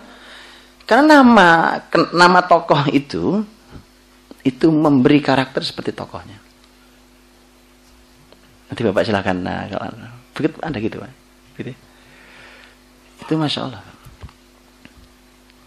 Dan eh, inilah eh, karena itu harapan kita karena saat kita memberi nama. Nah, jadi silakan dipelajari. Ternyata konsep nama itu berarti konsep penting dalam masalah urusan berumah tangga. Ya. Wa ini sama itu Maryam. Wa inni u'idzuha bika wa dzurriyyataha minasyaitonir rajim. Dan aku ya Allah memintakan perlindungan untuknya dan keturunannya ini kepadamu agar terlindung dari syaitonir rajim. Jadi Bapak Ibu ternyata konsep pendidikan sejak kecil adalah menjauhkan generasi dari setan itu Pak konsep itu. Bukan cuma bikin pinter. Kita konsep kita ini bikin pinter aja. Jauhkan mereka dari setan. Itu asli konsepnya. Nanti lahir bukan cuma ibunya kan tadi yang, yang hebat nih kan. Kan bukan hanya Maryam. Wa Terbukti berikutnya malah nabi sekalian. Dijauhkan dari setan. Setan. Nah, kan untuk untuk itulah maka Al-Qur'anul Karim menyebutkan banyak sekali tentang tema setan. Ciri-cirinya segala macam. Berkali-kali Allah katakan setan itu musuh, setan itu musuh, setan itu musuh, kayak gitu. Iya. Kalau musuh itu jangan dijadiin teman, jadiin musuh. Kan sebenarnya gini, Pak. E, ketika Allah menyebut bahwa setan itu musuh buat kalian. Sudah cukup. Kalau kita menyebut ke siapa ya, itu itu musuh tuh. Orang sudah langsung, oh musuh. Langsung berhati-hati. Oke, berhati-hati segala macam, diamati betul. Itu musuh namanya. Jadi nggak perlu sebenarnya, ini kalau secara bahasa, tidak perlu sebenarnya kalimat setelahnya. Fattakhiduhu adwa. Betul ya? Inna syaitana lakum adu. Fat Takhidu adwa. Sesungguhnya setan itu musuh buat kalian. Itu cukup itu sebenarnya. Kenapa sampai Allah harus katakan fattakhiduhu adwa? Jadikan setan itu musuh beneran. Sampai harus bilang gitu karena kita ini begitu Pak, sudah dikasih tahu setan musuh tetap aja ditemenin. Akhirnya anak kita kita jerumuskan dengan kebiasaan setan kita nggak sadari. Dan itu harus dipelajari apa kebiasaan setan apa itu semua harus jauh dari anak-anak kita, Pak. Silahkan dipelajari. Segala hal. Sampai hal yang paling kecil sepele. Pakai sendal sebelah itu kan dilarang sama Nabi. Pak. Ya kan? Minum kanan kiri, eh, minum kiri, makan kiri kan juga dilarang sama Nabi. Dan itu semua ada hubungan dengan setan. Gitu kan? Itu harus jauh Pak, dari kebiasaan anak kita. Nggak boleh anaknya.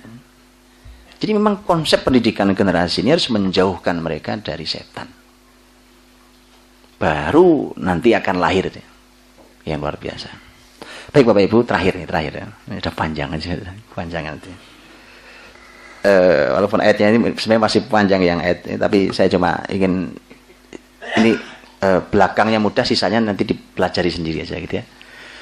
Ayat setelahnya Allah berfirman, "Fataqabbalaha rabbuha biqabulin hasani wa ambataha nabatan hasana." Eh, fataqabbalha rabbuha, maka Robnya menerimanya. Gimana tuh? Jadi Robnya ini menerima tadi. Kan Maryam, eh, kan ibunya Maryam minta agar Nazarin terima. Fataqabbal minni. Terima dari aku, kata ini aku terima. Tapi kalimat fataqabbal ini, eh, eh fataqabbalha rabbuha ini ada beberapa catatan. Eh, yang pertama adalah ayat fataqabbalaha rabbuha ini itu setelah sebelumnya ada poin-poinnya. Ada waktu hamil nazar yang baik, ya kan? Terus dikasih e, nama yang baik. Kemudian jelas beda lagi perempuan jelas, dijauhkan dari setan baru Allah terima. Gitu kan? Ini yang tadi saya katakan. Allah memilih Maryam, innallaha astafaki itu nggak tiba-tiba ini orang pilihan nggak bisa ditiru. Tidak pak. Ini ada prosesnya. Untuk jadi orang pilihan begini prosesnya. Nah, maka fataqabbalaha rabbuha robnya menerimanya. Berarti kalau sudah sampai tingkat Allah yang nerima udah aman pak Makanya tidak bisa Bapak Ibu. Kita ini didik sesuai dengan kecerdasan dan kemampuan kita masing-masing. Tok itu tidak bisa. Harus diserahkan ke Allah. Tapi Allah baru mau nerima, nah gitu, dengan penerimaan yang baik kalau proses sebelumnya sudah benar. Bisa dipahami Pak ya? Jalani dulu proses yang benar, nanti Allah. Kalau sudah Allah terima, Pak, Masya Allah, Pak, didik anak itu gampang. Kata orang, oh susah Pak zaman sekarang. Itu karena Anda nggak serahkan pada Allah. Itu karena Anda nggak menjalani prosesnya sehingga Allah nggak terima. Kalau ini sudah terima, fataqabbalaha rabbuha biqabul hasan. Taqabbul, taqabbalaha, ini catatan berikutnya. Kata taqabbul itu eh, ahli tafsir mengatakan taqabbul itu penerimaan yang baik. Karena ada nerima itu kan pernah nggak Bapak Ibu? Nerima sesuatu tapi nggak suka. Ada ya? Nerima tapi nggak suka. Nerima tapi sedih tapi kalau takobul itu nerima dengan ridho. Jadi sama Masya Allah sampai mengatakan Allah terima dengan ridho. Berarti kan Allah senang lihat bagus nih keluarga ini kan. Allah terima. Allah ambil nih. Sekarang Allah yang ngurus. Itu. Fataqabbala rabbuh ditambah lagi kalimat bikobulin hasan. Tambah hasan juga kalimatnya. Sudah takobul itu terima dengan ridho, hasan itu artinya baik. Allah terima dengan cara ridho dan baik. Nah, setelah itu wa ambataha nabatan hasana. Kalau di terjemahan Pak, yang saya pernah lihat di terjemahan itu uh, di terjemahan bahasa Indonesia ya, ini supaya saya ingin memberikan sentuhan terjemahan bahasa Indonesia sebentar. Itu terjemahan bahasa Indonesia apa ya? Oh. Dan mendidiknya dengan pendidikan yang baik. Ini terjemahan bahasa Indonesia mendidiknya dengan pendidikan baik. Ini tidak memberikan gambaran apa-apa nih Pak. Tidak salah terjemahannya, tapi ini tadi saya katakan, eh, Quran itu bahasanya bahasa Arab dan itu seharusnya dipahami dengan bahasa Arab. Terjemahan itu hanya membantu bagi yang belum bisa bahasa Arab, tapi masa iya orang mau dibantu terus ya? Bantulah orang lain ya. Eh, karena kata ambataha am, dari kata nabata. Bapak itu tahu nabati kan? Nabati artinya tumbuhan. Anbataha nabata. Berarti artinya apa? Allah menumbuhkan dengan nabatan hasana. Sama juga. Tadi bikobulin hasanin, sekarang nabatan hasana. Tumbuhannya baik. Kalau tumbuh berarti ini proses pendidikan nih, Dari awal sampai akhir itu prosesnya benar. Baik.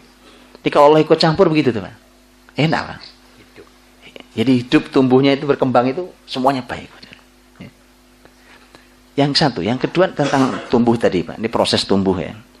Berarti didik anak itu seperti tanaman. Menumbuhkan tanaman. Ini ilmu gampang sudah. Nah, Pak, di kita ini alhamdulillah banyak pohon. Baik.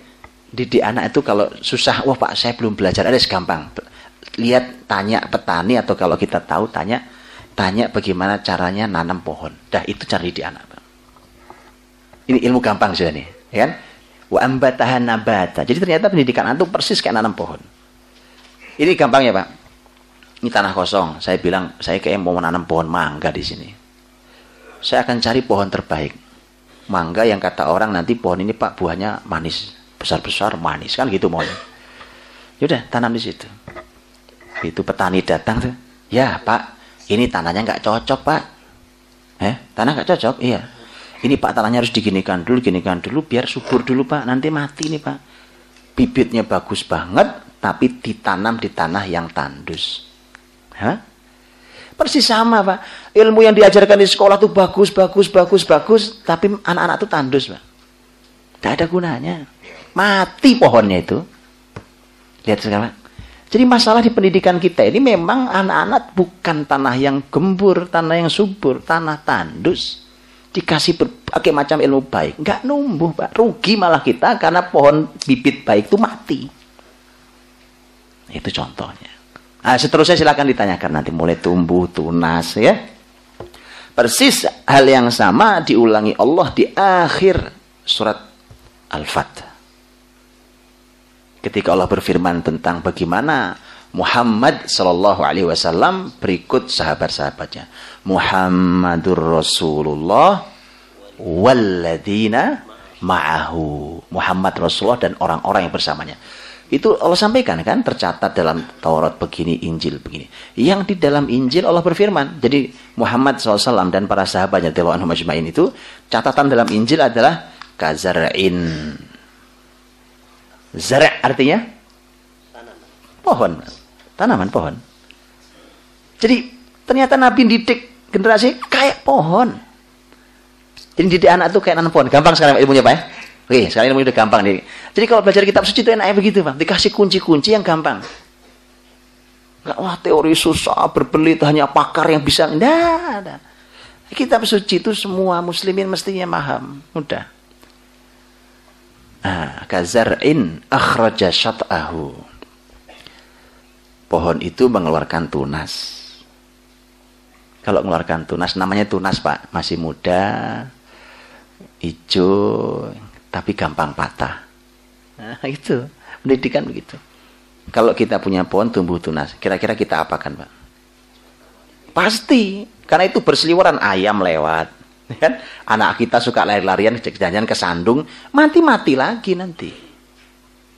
Sudah capek-capek nunggu tunas, ya habis dipatok ayam, nunggu lagi. Ya berapa bulan lagi di baru itu pendidikan anak persis kayak gitu. Di awal-awal tuh ya Allah pak jaganya ini tunas tunas kazar in akhraja syata'ah baru bertumbuh dengan baik fa'azarahu fastaghlada fastawa ala suqih kalau sudah tiga proses itu dilalui fa'azarahu fastaghlada fastawa baru ala suqih baru yu'jibu zurra baru baru penanamnya bisa bangga. Alhamdulillah tanaman saya. Ya, itu. Kalau sudah bangga penanamnya ada efeknya Pak. Tahu efeknya? Liyaghidha bihimul kufar. Orang kafir marah. Jadi kalau anak kita, hasil didikan kita, orang kafir senang aneh. Pak. Saya bukan saya bicara. Al-Fatah ayat terakhir. Kita kagum orang kafir murka. Mesti khawatir, wah ini bahaya nih pendidikan begini nih. Oke. Okay. Ini biasa aja, tapi, tapi jangan dicari penyakit memang. Itu Quran itu Quran Rasul juga mengatakan itu. Jangan bukan nantangin nyari penyakit. Ada cuma memproses, memproses nanam, nanam, nanam, nanam. Nah. Begitu orang kafir marah, Pak. Lihat gitu bil kufar. Dan uh, jadi fa'azarahu fastaghala fastawa itu Bapak Ibu kalau lihat ada ada tiga fa. Fa azarahu fa fastaghlada fastawa tiga fa itu Pak. Ya Allah itu pelajaran mahal sekali gitu. bukan bab kita hari ini. Jadi betapa itu konsep semua sampai proses pendidikannya. Tiga fa di dalam akhir itu itu merupakan proses pendidikan yang harus dijalani dengan benar kalau tidak gagal. Nggak sampai pada yu'jibu zurra apa itu? Sebagai penutup ya Pak. Fa itu eh, fa fa itu dalam bahasa Arab berfungsi Pak. berfungsi itu litakib litahkik litartib mendidik itu harus begini Pak. kalau lit, lit, litah, litahkik umpamanya harus memastikan bahwa proses sebelumnya sudah selesai jadi fa'azaro selesai dulu baru fastaghaladzah gitu Tiba-tiba kita ke sini yang ini berantakan pondasinya, nggak jadi, Pak.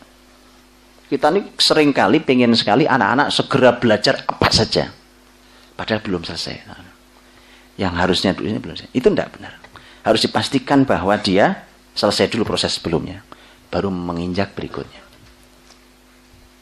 Begitu, tahkik, kemudian takim, proses berikutnya, tartib, urutan, berurut ini ini dulu masuk ini itu urut lompat lompat lompat. Nah itu masalah. Jadi bahasa kita alhamdulillah pak mau ngaji daripada enggak. Nah, itu udah enggak kepake sudah tidak boleh ada di konsep pendidikan anak kita. Bapak itu bukan tartib namanya. Wudhu itu aja tartib pak syaratnya. Betul ya pak? Iya didik anak masa enggak tartib? Udah pak nggak apa-apa. Yang penting bisa ngaji bisa ini. Enggak Pak, ada polanya, ada urutannya. Orang lain mau duluan, silakan duluan. Saya lagi ngurut dulu. Karena nanti yang panen pohon saya. Dengan izin Allah. Nah, kalau sudah dijalani Pak, Bapak Ibu, urusan buah, ha? urusan buah tidak ada di surat Al-Fat. Ini aneh jadinya nih. Kan kita nanam pohon mangga pengen buah mangga. Nanam pohon korma pengen buah kormanya kan Ternyata nggak ada di soal Al-Fat itu. Yang ada tinggal sudah menyenangkan penanamnya. Kenapa Pak? Karena baru tumbuh jadi udah senang kita. Belum buahnya belum ada. Betul Pak ya? Dari kecil, tunas, kecil, tumbuh, tumbuh, tumbuh, besar, kokoh, berdiri. Itu aja kita udah senang. Padahal buahnya belum, belum ada. Di mana pembahasan buah? Di surat Ibrahim. Tuh, itu Pak kitab suci itu. Subhanallah. Di surat Ibrahim kita semua tahu. Begitu Allah berfirman tentang agama kita ini, tentang kalimat thayyibah. Di ujungnya Allah berfirman, "Tu'ti ukulaha kullahini biidni rabbiha." pohon yang baik tadi itu akan memberikan buahnya kapan pun sesuai seizin robnya. Berarti mau urusan buah urusan Allah, Pak. Tugas kita cuma tadi ya. Perhatikan nanam urutannya, perhatikan betul menjaganya terus itu serahkan pada Allah, jauhkan dari setan terus. Nanti urusan buah Allah yang yang memberi. Saya kira itu. Tentu hanya cuplikan-cuplikan detail-detailnya belum dapat bola mudah-mudahan minimal Pak, minimal kita sadar kitab suci kita ini mengarahkan tema keluarga dengan luar biasa, detail dan diberikannya dengan ilmu-ilmu yang mudah dipahami. Dikasih kunci-kunci yang gampang. Wallahu a'lam bishawab. Mohon maaf salah kurangnya. Assalamualaikum warahmatullahi wabarakatuh. Insyaallah. Ada waktu sedikit ya, 10 menit. Mungkin ada satu atau dua orang yang mau bertanya, saya berikan kesempatan. Assalamualaikum warahmatullahi wabarakatuh. Assalamualaikum. Namanya Pak? Uh, Nasir Fahmi Pak. Dari? Dari Mojosari, Mojokerto. Jakarta. Uh, kalau nggak salah di dalam surat Al-Araf itu Ustaz. Ayat 58 itu kan ada tamsil ya. Tamsil berkaitan dengan anak, orang tua dan sistem. Wal baladut thayyibu wal baladu thayyibu yakhruju nabatuhu bi izni rabbi walladhi khabusa la yakhruju ila nakida. Kalau sistemnya bagus akan lahir anak yang bagus kan gitu. Kalau jelek lahir yang jelek. Nah, persoalannya adalah ketika orang tua itu bagus, suami istri misalkan bagus, kemudian menyekolahkan anaknya di luar dengan sistem yang sekuler. Ini kan sebuah problem yang sangat yang hari ini kita kita hadapi. Ya, fakta yang kita hadapi. Nah, kita belum mampu menemukan satu sistem yang baik dalam pendidikan secara umum, maka sebaiknya bagaimana? Karena pelariannya ya dipondokkan. Ketika di pesantren kan intensitas anak dan orang tua malah berkurang. Kan gitu. Misalkan anak saya dua, keduanya saya pondokkan di pondok takfid. Persoalannya saya dengan anak saya akhirnya intensitasnya untuk bertemu dan sebagainya berkurang. Itu yang pertama. Yang kedua, Ustaz. Kalau tadi keluarga Imran adalah keluarga yang tipe yang dipilih oleh Allah Subhanahu wa taala, mungkin perlu sedikit uh, penegasan kira-kira tipologi keluarga Imran seperti apa sehingga kemudian Allah sampai memilihnya sebagai pilihan yang disandingkan dengan Adam, Nuh dan keluarga Ibrahim itu. Terima kasih. Baik, uh, uh, Jazakallah khair. Kalau tadi pertanyaan tentang uh, pendidikan, sekuler, sistem apa gitu ya. Uh, orang tuanya baik di rumah tapi kemudian uh, di luar sana seperti itu akhirnya pelariannya disekolahkan di pesantren. Mudah-mudahan pesantren bukan pelarian, Pak. Kasihan pesantrennya. uh, begini. Pertama adalah uh, karenanya saya sering katakan mari kita kritik, kita evaluasi keadaan hari ini tapi harus segera dicarikan solusinya. Mau sampai kapan kita kritik kritik kritik kritik kemudian? Tapi kemudian tidak pernah jelas apa sih yang dilakukan. Tidak ada juga yang berani.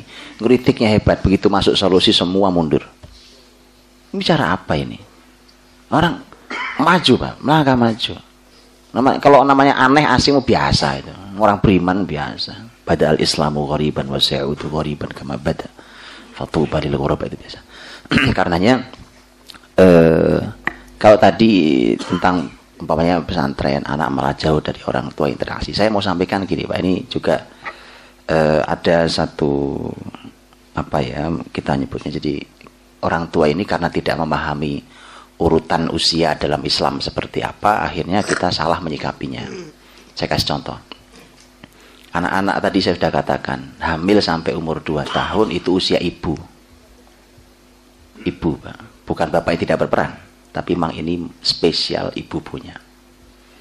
Baru nanti masuk berikutnya setelah selesai masa susuan tuh bapak baru punya peran lumayan. Karena anak nanti mulai masuki usia pandai meniru pandai meneladani karenanya itu tema keteladanan tema utama dan paling penting di usia-usia itu sampai paling enggak enam tahun. Yang disebut dengan tufulah mubakirah masa kanak-kanak awal dan itu uh, itu masih orang tua semua Pak. dari ibu bapaknya sekarang jadi ikut serta di rumah itu kan yang akrab anak-anak itu, itu yang dilihat itulah maka anak muda berakrab pria dengan yang ada di rumah cuma nih lihat Pak cuma Orang tua ada sebagian ibu di fase menyusui tidak melaksanakan tugas dengan baik. Sang suami juga tidak melaksanakan tugas dengan baik. Ternyata ada tugas juga. Begitu masuk 3, 4, 5, 6 yang harusnya masih usia bapak dan ibunya, eh diserahin ke orang lain. Diserahkan ke orang lain, disekolahin ke PAUD. Betul kan? Disekolahkan ke sini, ke sini. Orang lain itu, San. Padahal itu usia Anda. Allah kasih untuk kita. Nanti kalau sudah masuk usia tujuh, di mana Nabi bersabda, Muru auladakum bis salati wahum abna sab'a sinin. Mengapa di baru, baru di usia tujuh itu pembahasan ulama panjang, Pak? Pembahasan hadis yang kita biasa banget dengernya ya kan. Perintahkan anakmu sholat umur tujuh itu Masya Allah dibahas ulama panjang sekali. Pak. Dan itu konsep utuh pendidikan. Pak. Kita tahunya sholat umur tujuh, Pak. Ya udah Memang begitu. Tapi ada pembahasan panjang, detail. Kenapa tujuh? Umpamanya. Kenapa sholat? Bagaimana ibadah lain? Apa efeknya terhadap muamalahnya? Kan itu kan urusan dia dengan Allah, sholat. Udah panjang terus. Bahasanya. Nah, usia tujuh. Ketika usia tujuh, dia mulai masuk, mulai dikasih tugas berat. Sholat itu berat. Pak. Wa innaha lakabiro. Berat. Sholat itu berat anak kecil umur tujuh dikasih beban berat hmm, gitu tidak gampang gitu gitu ini tidak gampang ini karena itu berarti kan ada namanya dikasih beban tuh pak. Pondasinya harus cukup kan? Nah itu masalah kita itu pak. Kita ini kasih beban. Beban lagi ambles tuh anak pak. Ya nah usia tujuh itu dengan pola yang seperti itu pak yang dalam Islam itu mereka mulai di usia tujuh itu mulai me, me, sejajarkan, mulai mulai menyandingkan antara orang tuanya dan orang lain. Makanya anak-anak kita di umur 7 itu kalau di rumah kan dia mulai sekolah itu sudah di rumah dia bilang uh, bilang ke bapaknya ibunya pak kata pak guru nggak gitu tadi di sekolah. Oke. Nanti dia di sekolah sebaliknya dia ngomong kata ibu saya nggak gitu bu guru. Kenapa? Dia mulai sejajarkan tuh. Allah mulai siapkan dia untuk berpindah dari rumah ke makhluk sosial. Lihat ya? Makanya masuk usia 10, wah itu sudah sudah betul-betul menjelang balik, baru masuk kalimat Nabi tadi. Wadribuhum alaiha wahum abna asri sinin wa farriku bainahum fil madaji'. Konsep nubuah semua itu, Pak, ya kan? sudah mulai boleh dipukul, dikasih hukuman pukulan dengan pukulan pendidikan tentu ya untuk meninggalkan sholat, pisahkan tempat tidur ini juga panjang pembahasannya. Tapi yang jelas itu usia 10 tahun. Karena di usia 10, Bapak Ibu anak-anak yang usia 10, anak-anak usia 10 itu biasanya sudah mulai dengar temannya dibandingkan orang tuanya. Kan mas sudah menjelang balik, Pak. Dan kalau sudah balik itu sudah sejajar sama kita. Makanya anak ini ini salah kaprah lagi, Pak. Anak kemarin waktu kecil di Allah kasih ini umurnya kamu nih orang tua yang megang, tidak dipegang dikasih ke orang.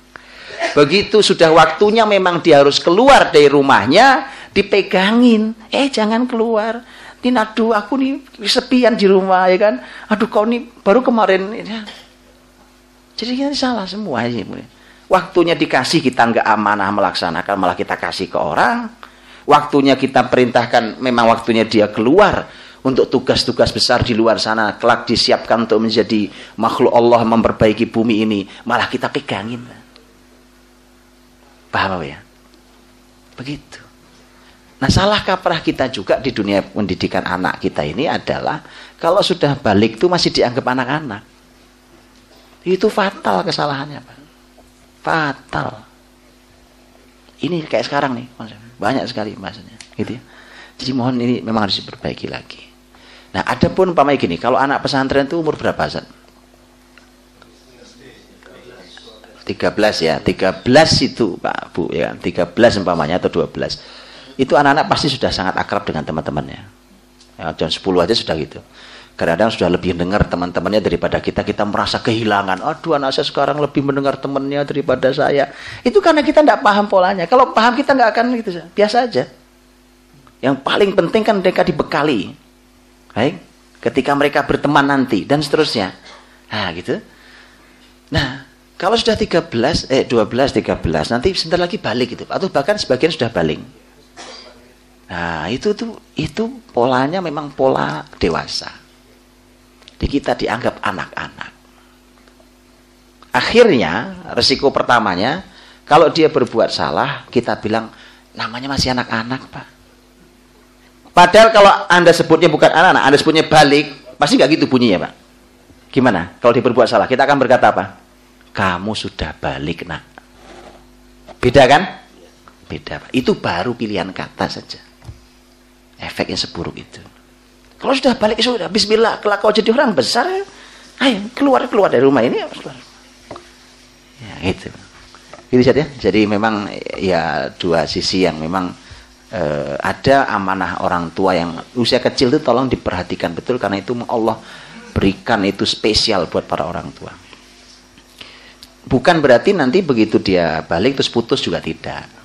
Juga tidak ya. Karena e, itu nanti ada pembahasan sendiri tentang e, bagaimana pola komunikasinya. Dulu Umar bin Abdul Aziz itu dididik di Madinah pak. Padahal bapak ibunya di Mesir. Kan jauh banget zaman dulu. Umar bin Abdul Aziz orang mulia hebat itu dididik di, di Madinah bapak ibunya di di Mesir. Tapi jadi. Gimana caranya? Nah itu babnya lain lagi panjang nanti. E, gitu itu satu ya. Kedua tadi apa? Saya lupa ada yang cukup ya? Oh, tipe keluarga Imran. Tipe keluarga Imran sebenarnya simpel saat. Karena gini, uh, keluarga Imran uh, ya ketika kita melihat keluarga Imran itu yang pasti Imran dan istrinya mampu melahirkan wanita terbaik di muka bumi. Kalau bahasa Nabi wanita paling sempurna di muka bumi.